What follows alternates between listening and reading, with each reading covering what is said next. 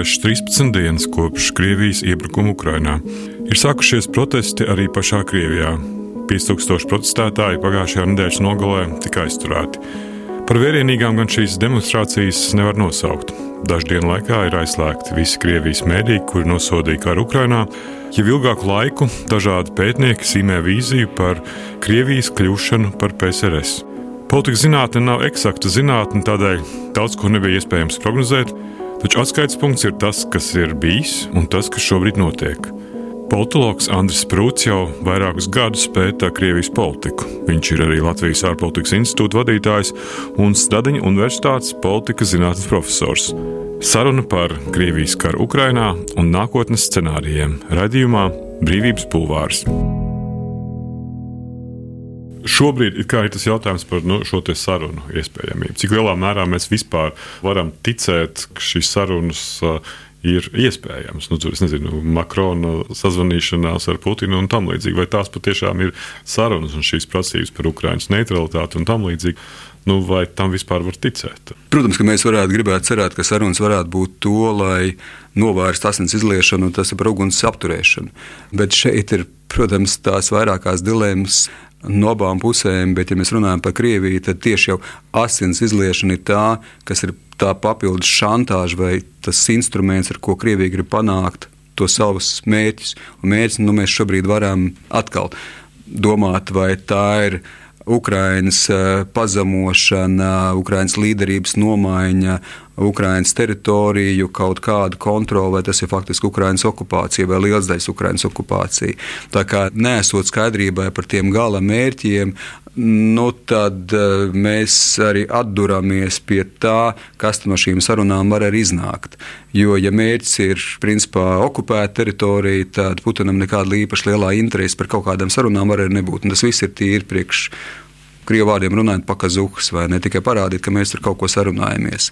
Bet zināmas dilemmas ir. Putinam tā dilemma absolūti, es domāju, ka šeit pat nekāda morāla mēs nevaram runāt. Dilemma ir tāda, ka tie skati ar tiem līķiem Ukraiņu pusē un viņu pašu pusē, ka tas var sākt ietekmēt Krievijas sabiedrību. Jā, jo Postkos arī raksta, ka vienīgais veids, kā saglabāt seju, ir asaras uz vaigiem, pat ja tās ir krokodīla asaras, arī krokodīliem ir bērni un mazbērni. tieši tā, tieši tā. Tagad tā ir Putina dilemma. Nu, vēl lielāka man jāsaka, ir dilemma Zelenskim un Ukraiņas līderībai.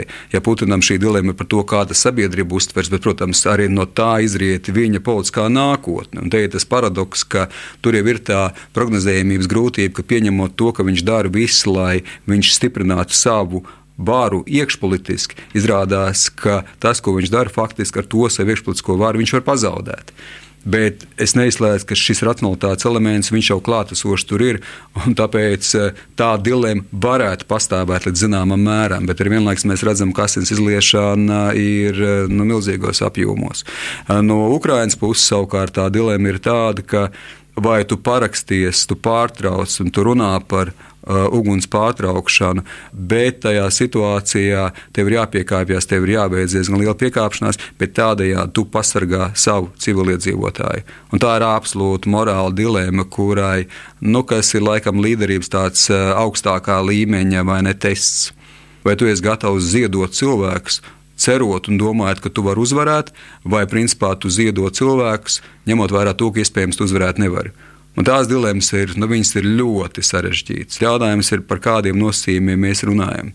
Vai tā ir neutralitāte, vai tā ir Krimas atzīšana, vai tā ir Doņetskas un Lugānas tā saucamā republika atzīšana un kādās teritorijās, kas aiz tā vēl var nākt. Nu, tad ir jautājums, kā uz svaru kaustiem mēs liekam to, kur tu ziedo savu valsti kaut kādā veidā, vai kaut kāds valsts elements, kas principā ir pretī tai iepriekšējai politikai, bet vienlaikus to potenciāli glābi civiliedzīvotāju dzīvības. Tā ir dramatiska izvēle lielā mērā. Un te, protams, ka Putinam ir tās izvēles stipri mazāk dilemātisks, un, kā jau teicu, tā morālā dilemma nav principā īpaši nekāda. Tur ir vienkārši viņa varas saglabāšanas dilemmas jautājumi. Ukraiņas gadījumā tur ir morāls dilemmas. Nu, es lasīju Atlantika Montlī, kur vēstur, tiek citēta vēsturniece Toronto un Oksfordas profesora bijusi Margarita Maksimiljāna, kura saka, ka nu, pasaule vairs nekad nebūs tāda pati, ka ir sācies jauns un nedrošs laikmets. Šie, protams, ir tādi nu, izplatīti apgalvojumi šajās dienās, jo nav vairs iespējams saprast, kā raksturot to, kas notiek. taisnība ir, bet atkal, protams, kā mēs uz to skatāmies, ja mēs mazliet paskatāmies vēsturiski, Nu, man nākās dažkārt šo atkārtot, un es saku, kad tad bija šī cita ēra, kur tad bija šī stabilā ēra. Nu, ja mēs paskatāmies eh, vienkārši 20. gadsimtu, nu, vai 1900. gadā, kad bija šīs daudzās lielās impērijas Eiropā, vai varēja domāt, ka 20 gadus vēlāk šīs impērijas būs sabrukušas, vai 1920. gadā varēja domāt, ka pēc 20 gadiem savukārt eh, šīs impērijas, kas bija zaudējušas Pirmo pasaules karu un faktiski bija sagruvušas, ka tās eh, sadalīs Eiropu divās daļās. Vai 40. gadā mēs varējām iedomāties, ka pēc 20 gadiem Francija un Vācija, kurā bija vācu karaspēks Parīzē, beidos Eiropas ekonomisko kopienu faktiski būs eh, Eiropas integrācijas pamatā. Vai 60. gadā mēs varējām iedomāties to, ka mēs runājam par šo Ķīnas teiksim, tā, uzlecošo jau klātbūtni globālajā politikā un visu dekolonizāciju? Vai 80. gadā mēs varējām domāt, ka Dienvidslāvija sabruks, Padomu Savienība sabruks un mēs atkal būsim neatkarīgi? Nu, tas bija vairāk tāds cerības stars. Tad to, ja mēs skatāmies 20. gadā un 22. gads, nu, tad mēs esam redzējuši šos šokus. Vai tas ir bijis 11. septembris, vai tas ir bijis jau šīs Krievijas agresijas 8. 14. Eh, gadā, tagad, protams, 22. gadā.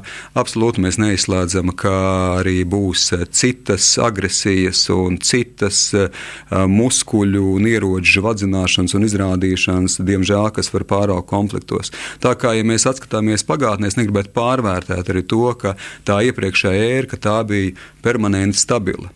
Viņi nebija permanenti stabili. Konflikti, bombardēšanas kari tuvāk vai tālāk bija klātesoši. Varbūt, protams, kā Ukraina un Krievija ir tas, ka tas ļoti tiešā veidā aizskar mūsu reģionu, tas aizskar mūs, tas mūs apdraud, tas apdraud arī līdzīgi domājušie kopienu, kurā mēs arī atrodamies. Kā arī Afganistānā, kā arī Irākā. Protams, kā arī tur mēs esam emocionāli angažēti, bet skaidrs, ka tas angažētības līmenis ir daudz mazāks nekā tas ir Ukrainā. Tā kā skaidrs, ka šobrīd mums gribās izdarīt tos secinājumus, ka mēs dzīvojam pilnīgi citā erā, un daļai tā ir taisnība. Es domāju, ka to, ko mēs runājam par Eiropu, tas ir to apliecina. Eiropā ir cita era, bet nepārvērtēsim, ka lietas lietas mainās, jo varbūt neizdarīsim priekšlaicīgi šo konkrēti šajā emocionālajā brīdī secinājums, ka starptautisko attiecību būtība fundamentāli mainīsies. Tas, ka ir mainījušās miedarbības starp valstīm, ir tīpaši attiecībā ar Krieviju, pilnīgi skaidrs. Tas, ka ir mainījusies Eiropa, pilnīgi skaidrs, bet par šīm iekšpolitiskajām tendencēm, par globālo vidi, nu, daudz lietas mainās ļoti lēni un faktiski varbūt pat virzās tur, kur viņas jau virzījās arī iepriekš. Augstākā nosaukums tiek uh, saistīts ar uh, ASV prezidenta Trūmana 47. gada paziņojumu, kas vēsturē apzīmēta kā Trūmana doktrīna - komunisma ekspansijas iegrožošanas taktika ASV ārpolitikā, un ar to arī aizsākās ASV un PSRS pretstāvja augstais karš, kas ilga līdz pat PSRS sabrukumam 91. gadā. Daudz vēlāk, 2008. gadā, britu žurnālists Edvards Lukas izdeva grāmatu Jaunais augstais karš - Kremļa radītie draudi Krievijai un Rietumiem, kas bija asveistījums par Krievijas virzību uz autokrātiju pēdējo desmit gadu laikā un Kremļa aizvien agresīvāko politiku, kas apdraud Eiropu, Ameriku un pasauli. Pagāja vēl desmit gadi, pēc Krievijas iebrukuma Ukrainā no jauna ir sākušās prognozes, ka nākotnes scenārijs varētu būt jauns augstais karš. Raidījumā Brīvības Bulvārs saruna ar politikas zinātnieku Andriu Sprūdu. augsto karu. Es domāju, ka mēs varam definēt, kā mēs gribam definēt. No augstais kars var būt šeit tās vēstures analoģijas, kas mums atsauc zināmas līdzības. Tā kā no tā viedokļa konceptuāli mēs varam to izmantot, bet katra situācija nenoliedzam, kad ir arī atšķirīga. Un te ir arī savu risku, ko mēs redzam šī augstā kara ietvaros. Ka, mm, no tās robežas, tā savstarpējā miedarbība ir daudz neskaidrāka. Viņi sev uzskata kā dziļi aizvainota, un vienlaikus tur šis aizvainojums nāk kopā ar agresivitāti, un vēl papildus tam visam nāk ar šī diktatora iespējams nu, tāda apsēstība par to, ko viņš atstās arī tajā savā vēsturiskajā mantojumā. Un tās kombinācijas, protams, ir, ir sprādzienu bīstamas. Par kodolieročiem tieši tāpēc no vienas puses nevarētu dramatizēt, nevarētu pārspīlēt, jo kodolieroči bija klātesoši augstā karā mēs dzīvojam šī kodola kara ēnā, permanenti bija saucamais MED, Mutual Assured Destruction, kurā mēs viens otru savstarpēji iznīcināsim, kurā bija raķetes pagrieztas pret dzīvojamām vietām. Jūs šausiet, mēs šausim vienkārši nu, būtībā šī paša iznīcināšanās vai viena otra iznīcināšana bija arī atturēšanas elements. Šobrīd šajā ziņā ir ļoti daudz neskaidri. Mēs, kā saka, būvējam vēl savstarpējo miedarbību, un tagad skaidrs, ka viss tas, kas ir noticis, nu, tas ir izjauts un radies ļoti daudz jautājumus. Negribētu dramatizēt, jo arī mēs skatāmies ļoti konkrēti, paaugstināt gatavību no četriem līmeņiem. Nu, mēs runājam šobrīd par otro līmeni, bet pats signāls absolūti vedina domāt par to, ka nu, mēs dzīvojam daudz nestabilākā vidē kopumā, un tas nav tikai par Ukrajinu. Tas ir par to, ka Krievija piespiedīs vai mēģina to piespiest ne tikai no viņas tā, baidīties, bet arī ka, nu, ka viņi arī iestāsies par to, ka tās viņas intereses, kā viņi to uztver, ka par tām ir, nu, saka, par tām ir jābūt gataviem uz eskalāciju. Tas iemesls ir tieši Putina piesauktā kodola ieroču izmantošanas potencialitāte, vai nu, kāda ir nozīme tieši šai augstā kara nosaukšanai attiecībā uz esošo situāciju, un ko tā, jūsuprāt, var dot vai palīdzēt saprast Latvijai, kurā ir šī augstākā pieredze, atrodoties citā augstākā pusē, tajā augstākā karā 1-0, nevis citā pusē, bet vienkārši nu, objektīvo tā laika de facto apsvērumu dēļ. Ja mēs runājam par sevi, nu tad šobrīd jau var teikt, ka Nu, mēs visi esam vienā kopīgā katlā. Nav šeit Baltija un skars lieliski, ka mēs esam NATO ietvaros, kurā ir šis piektais pāns. Bet tajā vienā katlā, ka man šķiet, šeit vairs nav milzīgas atšķirības starp Baltiju, starp Vāciju vai starp kādu citu Eiropas valsti. Jo skaisti eskalācija sākās vai palielinās, ko man tagad vēl negribētos, protams, domāt par to, kā saka, sākt runāt, bet tajā pašā laikā izslēgt mēs sliktākos scenārijus nevaram. Nu, tas nozīmē, ka mums vispirms jāiemācās dzīvot šajā diskomforta vidē.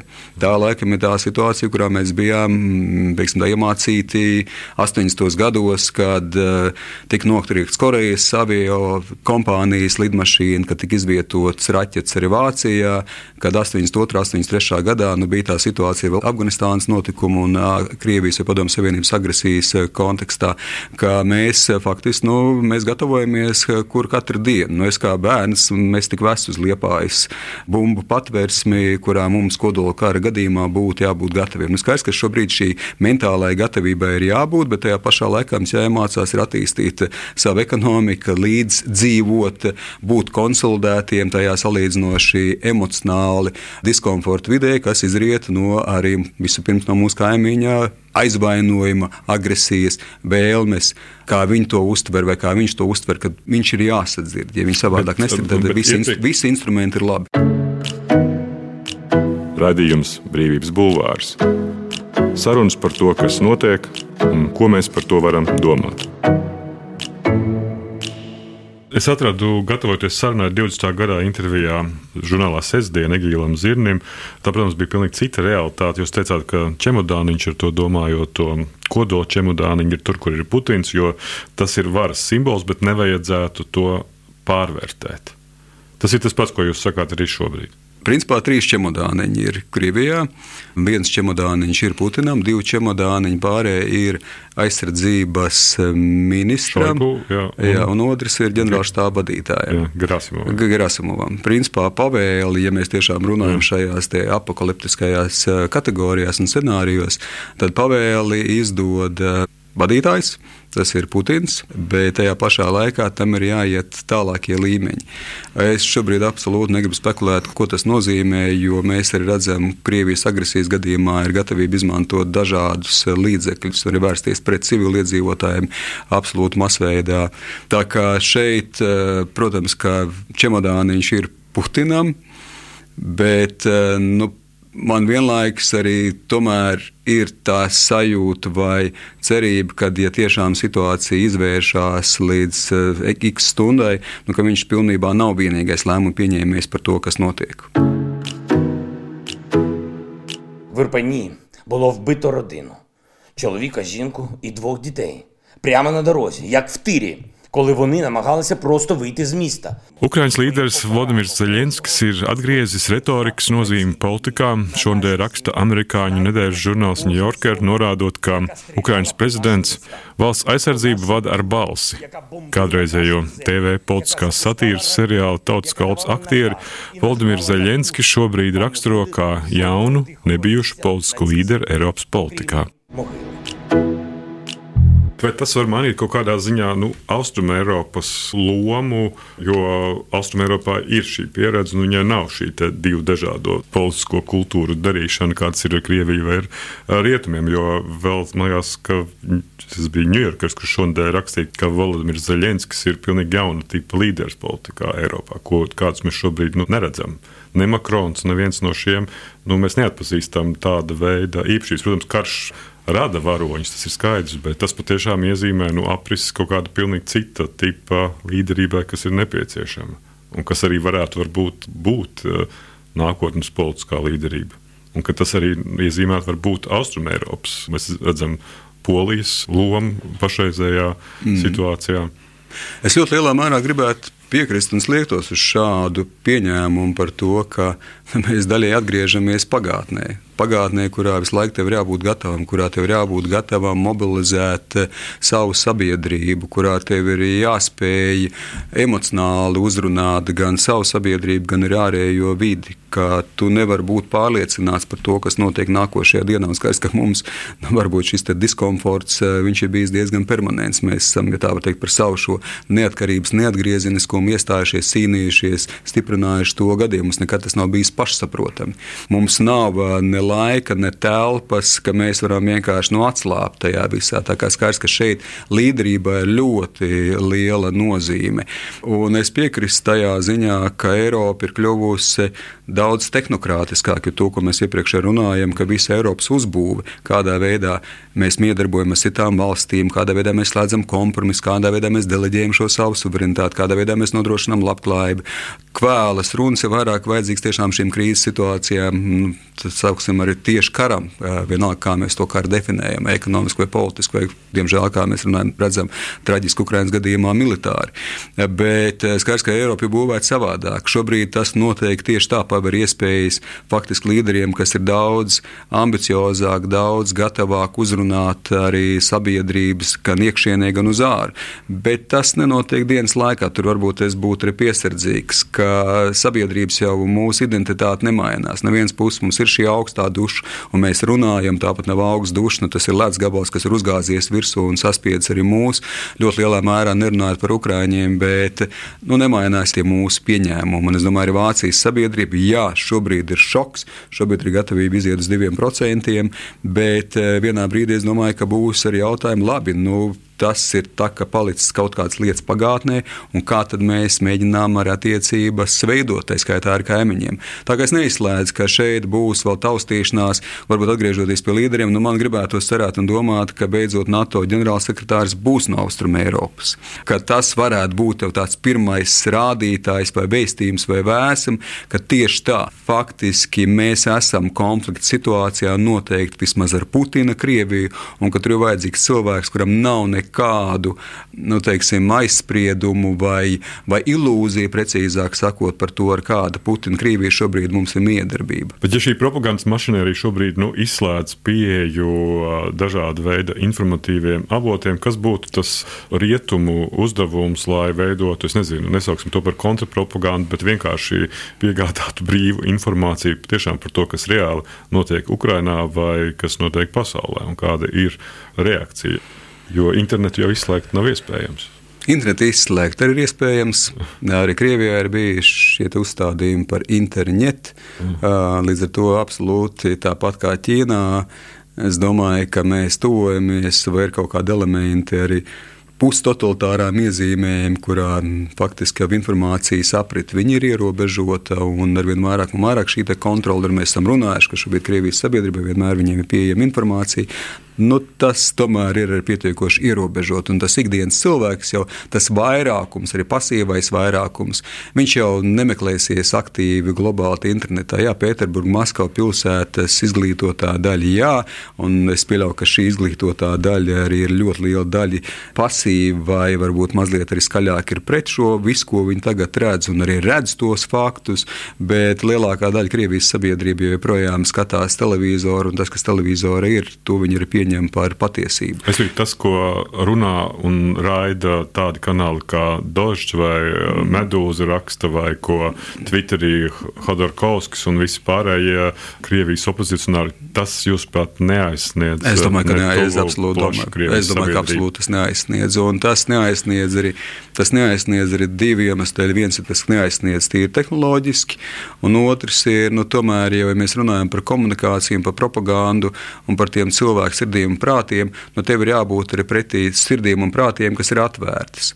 Un manuprāt, ka Putinam atkal, diemžēl, diemžēl ne tikai priekš vispirms Ukrāņas, diemžēl priekš mums, bet es pateiktu, diemžēl priekš pašas Krievijas, nu viņš ir uzbūvējis šo uztveri, kā komunikācija, kas ienāk savādāk, pat ja viņi aizsniegtos līdz tam Krievu cilvēkam, ka domāšana par to, ka mēs esam ielēgti, par to, ka notiek genocīds, par to, ka būtībā ar mums nav rēķinājušies, nu, tas ir ļoti spēcīgi dominējošs un klātesošs strāvojums Krievijas sabiedrībā. Un šobrīd man pat ir grūti iedomāties, kam ir jānotiek, kāda ir jābūt tai attīrīšanai, lai cilvēki, lai vairākums cilvēku pamostos no tā kā no murga. Nu, tad, ja mēs salīdzinām kaut kādas paralēlas, tad no nacistiskās Vācijas atbrīvojās no šī murga 45. gada 30. aprīlī, kad Hitlers izdarīja pašnāvību, bet vienkārši, ka nacistiskā Vācija tika sakauta. Un tad cilvēki sāk reflektēt uz savu pagātni. Arī tas nenotika nemaz tik ātri. Līdz ar to es domāju, ka es būtu ļoti piesardzīgs, ka ar konkrētiem tehnoloģiskiem instrumentiem mēs varam mainīt Krievijas sabiedrību. Krievijas sabiedrība var mainīties kaut kāda šoka rezultātā, kad tas faktiski notika 90. gada sākumā, tie ir tie paradoksi. 90. gada sākumā, 91. gadā bez Jeļcina uz tanka augustā, bez Krievijas sabiedrības Maskavas ielās, nu, Baltijai es tomēr atļaušos apgalvot, ka to neatkarību būtu mums ļoti grūti būt bijis izcīnīt. Principā jau tas liktenis ir ir tika izšķirts ļoti lielā mērā arī Maskavas ielās, kas ir pie varas. Nu, pie varas eh, palika Jeļcins, un, protams, paldies Dievam, arī viņa skatījums uz valsts neatkarību bija savādāks nekā tas varēja būt vienkārši militārajai huntai, kas varēja lietot fizisko spēku, militāro spēku, lai vienkārši ar asins izliešanu palīdzību apspiest visu, ko varētu apspiest. Kaut kur tas šoks var būt sastāvējis nevis no viena liela, bet no daudziem maziem šokiem, kad tas, ko Putins ir uzbūvējis, par to sāks rasties jautājumi. Un, ja mēs atkal skatāmies pēdējo gadu lielākos protestus un demonstrācijas, tad tās ir bijušas ne tik daudz jau par agresijām, bet vai tas ir bijis 12. gadā, tad, kad Putins vienkārši nomainīja Medveģevu un liela daļa sabiedrības teica, nu, pagaidu, nu, tomēr tas nav paspravedļivisti. Nu, tā nevajadzētu notikt. Tas nav taisnīgi, kā lietām vajadzētu notikt. Un otrs, tad, kad arī pensijas eh, vecumu palielināja, tad bija arī liela protesta, kas aizskāra ļoti plašu sabiedrības masu, kurā arī Krievijas valdība soli pakāpās atpakaļ. Tie ir tie šoki, kas, protams, izriet no ārējās teiksim, tā, miedarbības, no ārējiem signāliem un to, ko mēs darām, bet beig beigās pat Krievijas sabiedrība ir tā, var teikt, attīrījis arī no kaut kādiem pagātnes recidīviem, bet nepilnībā, jo atkal Krievija var pat būt demokrātija, bet es domāju, šis lielvaras ģiržavnais ideja tā nekur nepazudīs. Viņi var izpausties dažādi, viņi var izpausties savādākā miedarbībā bez asiņainiem iebrukumiem kaimiņu valstīs, bet eh, es domāju, ka kopumā viņi tāpat nekur nepazudīs. Šī izjūta par to, ka tu esi piederīgs pie lielvaras, šī ticība lielvarai, es nezinu, kam ir jānotiek, lai Krievijas sabiedrībā tas tiktu tā, izņemts ārā. Un, ka tā būtu normāla lielvara. Es domāju, ka šis paliks vienmēr šī izjūta par to, ka vienīgā draugs mums ir armija un flote. Nu, tas ir tik dziļi sēdošs gadsimtiem, ka tur savukārt tā vēsture, tā vēstures analoģija un tas vēstures pamats, nu, ir klātesošs un būs klātesošs tur pat labam laužas iekšā bez sapnieka. Tad iespējams, ka drīz vairs jūs nedzirdēsiet vismaz vidējos viņos Rīgas raidītāju. Ļoti bieži pēdējās dienās arī tiek piesaukts 91. gada augusta kā Un jūs arī sakat, ka tas bija risinājums, kā Ieļcins nāca pie varas Krievijā. Ja mēs šo analoģiju izmantojam šobrīd, vai jūs redzat, ja tīri hipotētiski šāds pučs notiktu mūsdienu Krievijā, kas ir tie spēlētāji, kuri var nomainīt Putinu? Jo Jēkabs jau tajā brīdī bija redzams politisks spēlētājs. Jā, absolūti. Šis jautājums ir vietā. Es neizslēdzu tādu varbūtību, jo gan to, ko mēs runājam par šiem čemodāniņiem un pogas spiešanām, ka nav gluži arī tā saucamo siloviki vidū, spēku struktūru vidū, pilnīgi vienprātība. Es domāju, to ļoti labi atspoguļoja FSB, Federālā drošības dienesta vadītāja Nariškina minstināšanās, stostīšanās, ka viņš principā vēl varbūt tomēr dažas dienas varētu parunāties. Viņš jau zināja, kas sekos tālāk. Tā kā šeit tomēr ir zināmā veidā arī limiti pašā Krievijas elitē, bet daļai Krievijas elite Es tomēr varu lietot terminu, viņi būvēt pēc mafijas principa. Ja tu neesi, kā saka, savējies, un ja tu šo lojalitāti pazaudē, nu, tad tev ir liktenis kā Lukjāvam, bijušajam ekonomikas ministram, vienkārši tu vari nonākt cietumā uz pārdesmit gadiem. Nu, viņam tur bija kaut kādi 9 vai 10 gadi. Tā kā skaidrs, ka tur neviens riskētu arī ar savu likteni, savu karjeru, savu vietu nevēlas. Bet tajā brīdī, ja būs apziņa, ka tas var novest vienkārši pie pašiznīcināšanās, es neizslēdzu, ka pat spēku struktūru vidū var būt jautājumi. Nenoliedzam, kad ir jautājumi arī bija tikšanās ar ekonomisko flangu, ja tā var teikt, nu, pilnīgi skaidrs šī ķermeņa valoda nu, nebija tāda, ka Krievijas e, ekonomiskais flanks no vienas puses ir izpildījuši visu, ko Putins ir darījis, un ģeopolitika vienmēr pārtrumpo ekonomiku, bet e, skaidrs, ka tik galā ar visu šo ekonomisko situāciju, kas šobrīd ir, nu, ir ļoti, ļoti sarežģīti. To es domāju, ka apzinās. Tā kā nevar izslēgt to. Bet precīzi atgriežoties pie tās otras jautājuma daļas, kurš, tav, kurš, tad, kur, kurš tad ir Jēlcins?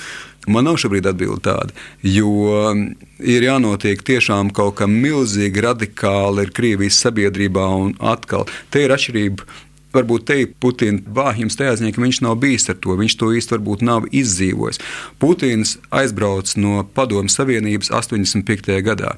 Viņš dzīvoja komfortablā vidē, Dresdenē. Viņam bija viņa valsts, ko viņš pārstāvēja, viņam bija viņa karjera, viņam bija viņa veļas mašīna un komfortabla dzīve, kā viņš pats tur ir izteicies. Atgriežoties 90. gadā, viņam vairs nebija viņa personiskā dzīve un viņa komforts, viņam nebija viņa karjera, viņam 40 gadniekam faktiski līdz pat nebija viņa valsts valsts. Ja? Uh, bet ko es ar to arī gribu teikt? Viņš tam neizgāja cauri, tāpēc viņš savādāk uz to skatās. Un pat ja viņš lielā mērā pārstāv un reflektē Krievijas sabiedrības intereses un tos strāvojumus, kas ir dziļi sēdoši, vienlaikus līdz galam viņš nav bijis klātesošs un uztvērs to, ka Krievijas sabiedrībā ir brīži, kad var mainīties. Un ka tas nenotiek vienas dienas laikā ar Krievijas sabiedrību starp 85. gadu un 91. gadu, un ar Jēlcinu uz Tangu 91. gadā tas nav gluži vienas dienas jautājums. Tas bija ilgstošāk procesa jautājums. Ko es ar to gribēju teikt, kad es neizslēdzu, ka vienā brīdī pat var nākt arī Aleksis Navaļnīs, jo viņš ir tā tipa cilvēks, par ko mēs runājam. Cilvēks, kas faktiski ir kaut kur pat ieļcinisks savā harizmā un ieļcinisks savā uzvedībā un tajā savā figūrā, tā var teikt. Jo to es domāju, ja tas ir galma apvērsums, tad nevar izslēgt, nu, kad ir tehnokrāti, kas tur ir bijuši. Ir pat savā laikā šis teiciens, ka uh, Igor Imanovičs, trīs Igor Imanovičs potenciāli varētu nomainīt. Igor Imanovičs Sečins, Igor Imanovičs Šuvājevs, Igor Imanovičs Strelkovs.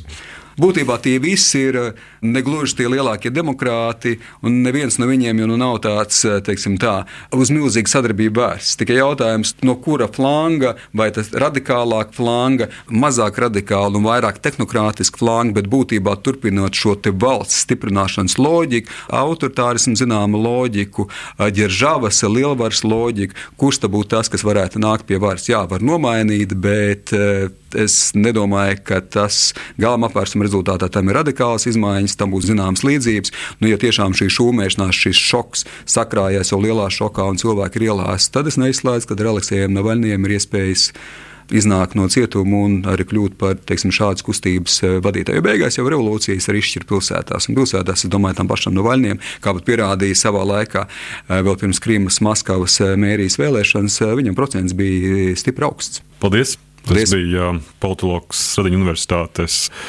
profesors Andris Prūts un raidījums Brīvības bulvārs. Paldies! Paldies vēlreiz! Radījumu ierakstīja Toms Šits, montāža Normīts Papa un radījumu vadījies Gins Grūba.